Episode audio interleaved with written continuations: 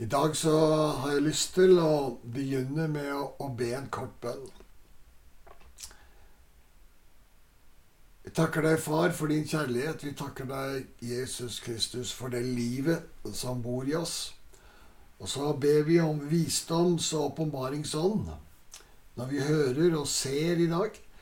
Og vi ber om at vårt indre øye, vårt hjerte, må få, se, få lys, så det kan se. Åpne våre øyne så vi ser, våre indre øyne så vi ser. Gi oss nåde til det. Gi oss nåde til det. Takk at din nåde virker. Din nåde, den gir liv. Den gir kraft, og den er favør i livet. Jeg ærer deg for det og tar imot det og takker deg for det i dag.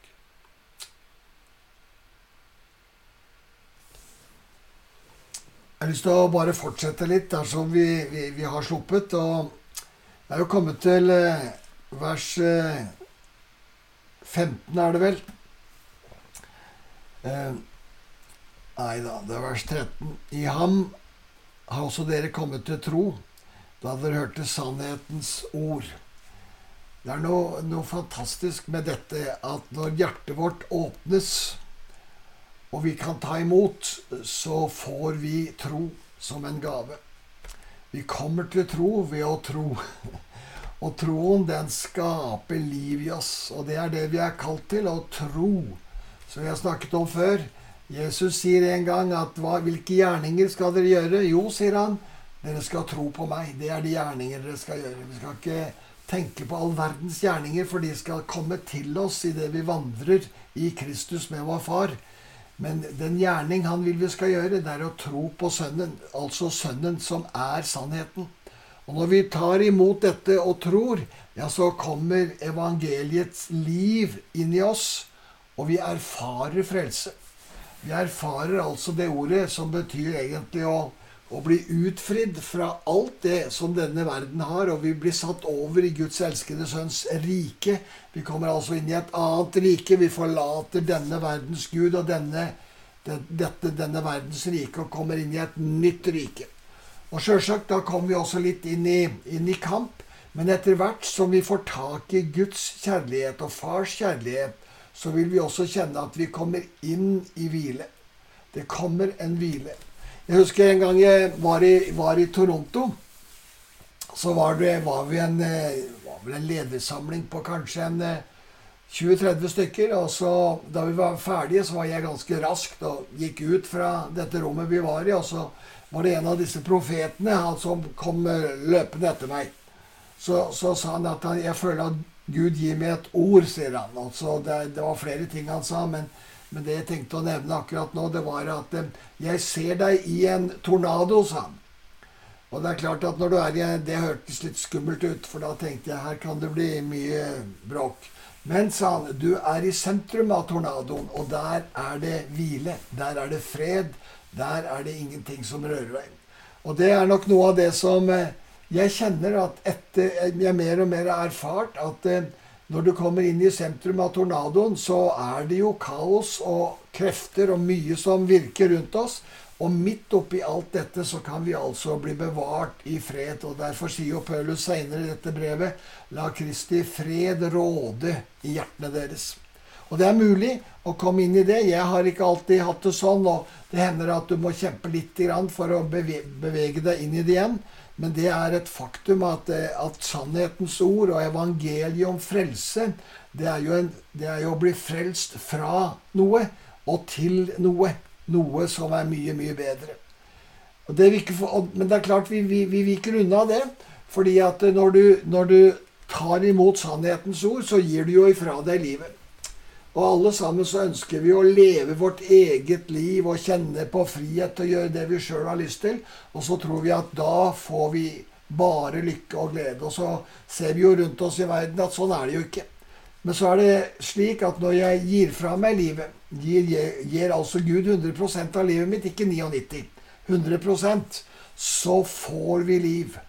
Jeg husker eh, Jeg nevnte det, jeg har jo nevnt det før.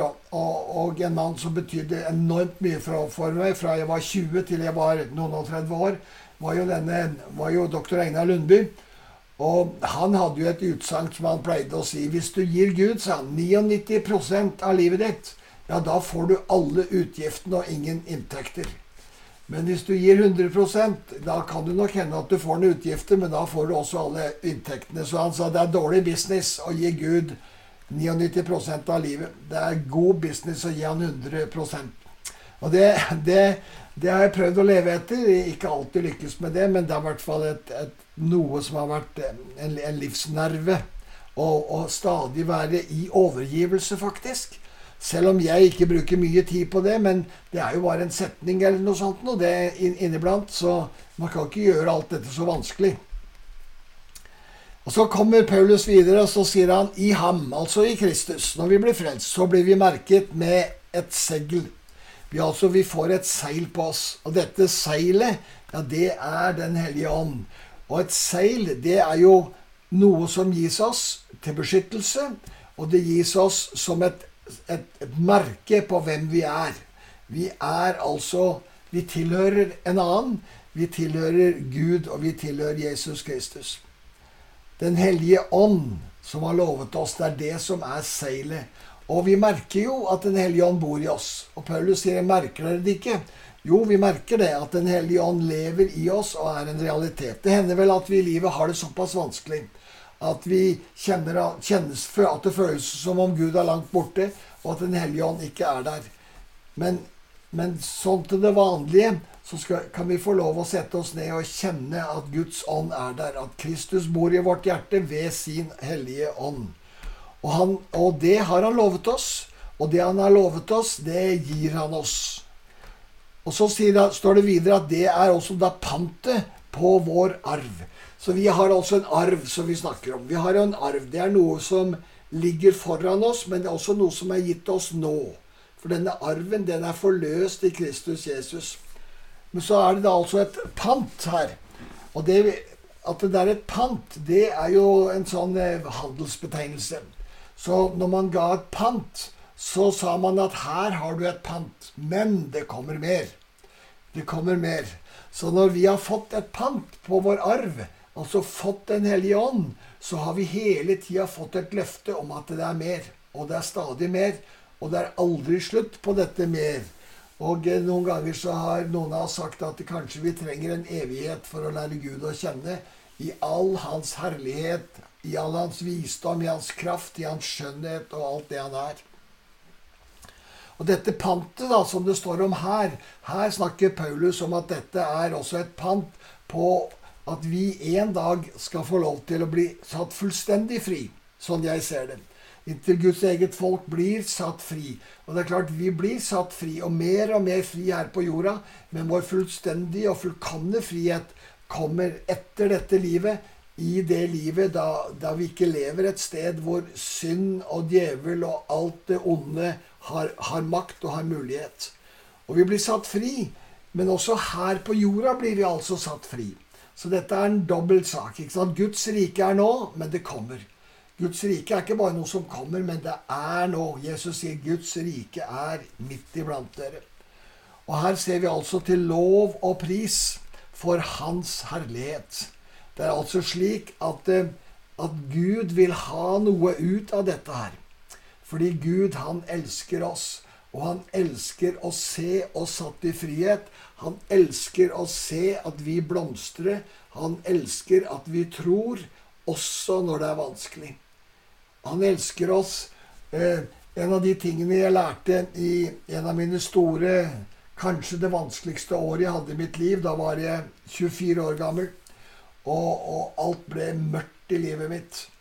Og jeg hadde nå sjøl dratt det på meg i min egen ulydighet, men, eh, men mørket kom nå pga. min egen ulydighet og fordi jeg ville gå mine egne veier. Og hadde ikke lyst til å gå Guds veier akkurat da. Det var en periode i 1970.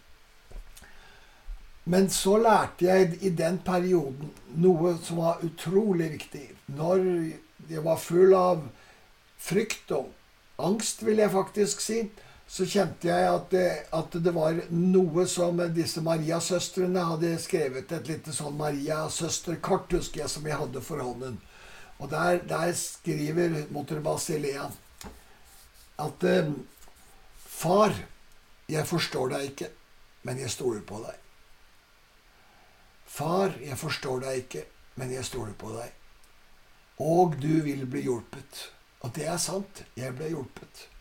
I det jeg ga meg selv til å tro på Guds godhet og Guds omsorg og hans kjærlighet og alt det han var for meg, så tok Gud meg ut av dette mørket litt etter litt. Fantastisk. Og, og, jeg lærte da også at jeg ikke trengte å være bekymret for noe, men at jeg kunne legge alle mine bekymringer på Gud i inderlig bønn med takksigelse. Og Guds fred, som overgår all forstand, skal bevare deres tanker og hjerter i Kristus Jesus. Jeg lærte å be den bønnen da mange ganger om dagen og overgi alle mine bekymringer og frykt og angst til Gud. Og så lærte jeg at jeg kunne få lov å be en enkel bønn. Far, jeg stoler på deg, selv om jeg ikke forstår deg. For det er ikke alltid vi forstår, og det er ikke alltid vi kan forstå. Og det er ikke alltid vi kan få se hva som er mening med forskjellige saker og ting. Men det er da vi må våge i all vår skrøpelighet å stole på at vi har en god far som elsker oss, og som har en oversikt som vi ikke har. Så det er den velsignelsen som Gud vil, vil at vi skal gi, Gud vil gi oss.